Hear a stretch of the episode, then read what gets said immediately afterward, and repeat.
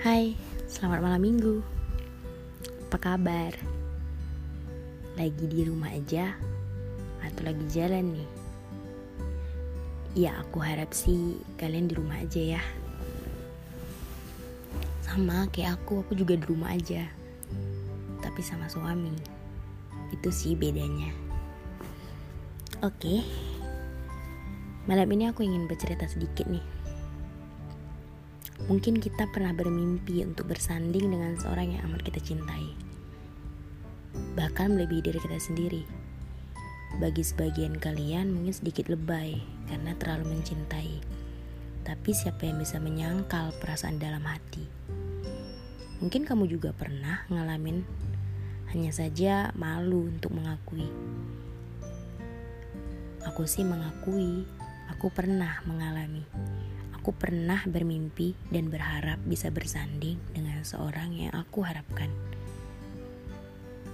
Seseorang yang jika bersamanya aku mampu menjadi wanita yang paling beruntung. Seseorang yang semua perkataannya bisa menjadi kenyataan. Namun apalah daya, semua tak sesuai harapan. Ia memutuskan untuk mengakhiri lalu pergi begitu saja. Apakah aku sedih? Apakah aku menangis? Apakah aku frustasi? Atau apakah aku depresi? Awalnya aku biasa saja ketika ia mengatakan ingin pergi dan aku dengan lantang mempersilahkan ia pergi. Silahkan aja kalau mau pergi. Aku nggak nangis, nggak juga frustasi, apalagi depresi. Namun Ketika hari berlalu, aku mulai meneteskan air mata dan aku mulai berpikir, aku nangis. Tapi bukan karena sebuah perpisahan yang ia minta.